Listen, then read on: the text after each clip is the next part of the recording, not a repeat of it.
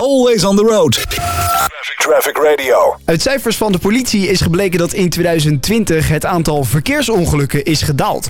Maar het aantal verkeersslachtoffers en doden dan weer niet. Hoe dat precies in elkaar zit bespreek ik met Paul Broer. Hij is verkeersofficier van de politie. Paul, welkom. Ja, goedemiddag, dankjewel. Een gek verband als je het mij vraagt. Het aantal verkeersongelukken dat daalt, maar het aantal verkeersslachtoffers dat daalt dan weer niet. Is dat te verklaren? Ja, dat is met name wat we vorig jaar zagen. In uh, dat, uh, dat met name coronajaar noem ik het maar eventjes zo. Ja. Toen zagen we inderdaad dat de verkeersongevallen fors daalden. Uh, dat is ook natuurlijk niet zo vreemd, hè, omdat we nou, vanaf, vanaf begin van het jaar al de lockdown hadden. Dat wil zeggen dat iedereen thuis ging werken. Scholen waren gesloten, dus er was aanmerkelijk minder verkeer op straat. Maar wat we toen zagen is dat het verkeer wat er dus wel op straat was, en dan met name fietsers en voetgangers, uh, en ook al wat bestelbusjes, omdat we veel meer via internet gingen besteden, dat daar toch wel wat meer slachtoffers onder vielen. Dus met andere woorden, het aantal ongevallen daalde wel fors, maar niet gelijk het aantal slachtoffers. Dat daalde minder snel dan het aantal ongevallen. En, en heeft dat dan mee te maken dat het aantal fietsverkeer zeg maar niet per se is afgenomen, maar vooral het autoverkeer? Daar heeft het in die zin mee te maken dat, zoals ik het een beetje probeer uit te leggen, het totale verkeersbeeld in Nederland veranderde opeens heel sterk. Begonnen op de autosnelwegen, want op dat moment hadden we tegelijkertijd instellen van 100 km per uur op de, Ja. op de autosnelweg. Ja. Nou, met die lockdown zag je opeens dat daar waar het normaal gesproken ontzettend druk is, dat het nu opeens stil was. Lege wegen, lege straten. Maar omdat scholen gesloten waren, zagen we ook dat op tijden en plaatsen waar het normaal niet zo is, er ook heel veel fietsverkeer, voetgangers, spelende jeugd, kinderen op straat waren. Dus het totale verkeersbeeld, zoals we dat normaal gewend zijn, zag er opeens heel anders uit. En daar zat nou net, ik zal maar zeggen, de gevaarzetting in. Ja, een, een ander verkeersbeeld dus, ook voor jullie als politie. Hebben jullie je daardoor ook moeten richten op andere verkeersovertredingen?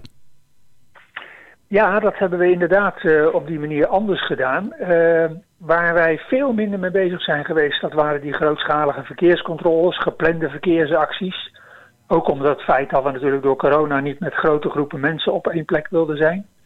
En waar we ons veel meer op zijn gaan richten, ook vanwege dat afwijkende verkeersgedrag, dat is dus op uh, nou ja, snelheidsovertredingen, op uh, excessief verkeersgedrag, onveilig weggedrag. Dus we hebben ons veel meer gericht op de individuele bestuurders en weggebruikers.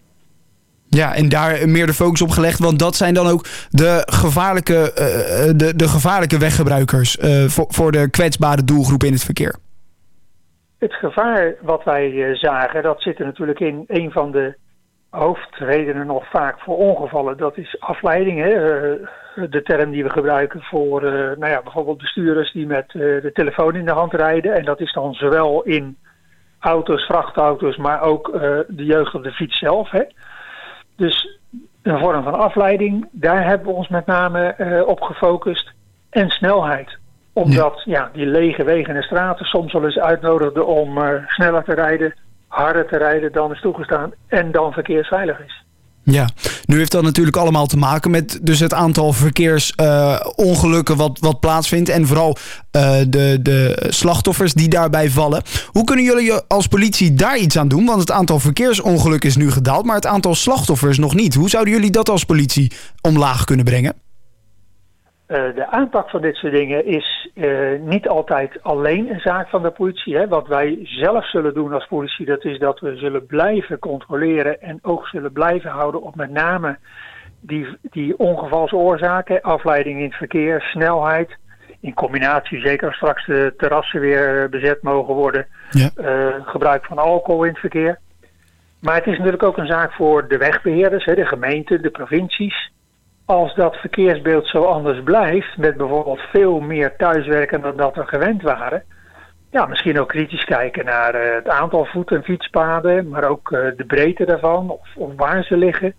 Uh, ontsluiting van, van wijken en, en buurten, instellen van 30 kilometer gebieden. En natuurlijk de voorlichting aan de weggebruikers over dat het er op straat anders uitziet.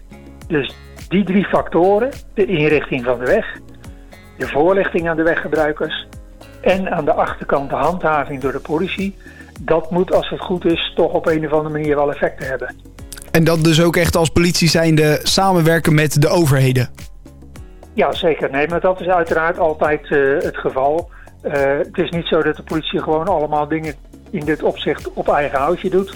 Dat doen we altijd en graag ook in overleg met uh, nou ja, de overheden, de, de, de gemeentes, de provincies, de wegbeheerders. Dat is een constant overleg. En zo vullen we elkaar op allerlei manieren prima aan. Ja, nou ja, laten we hopen dat het aantal uh, verkeersongelukken blijft dalen, maar dat ook het aantal verkeersslachtoffers in 2021 zal gaan dalen.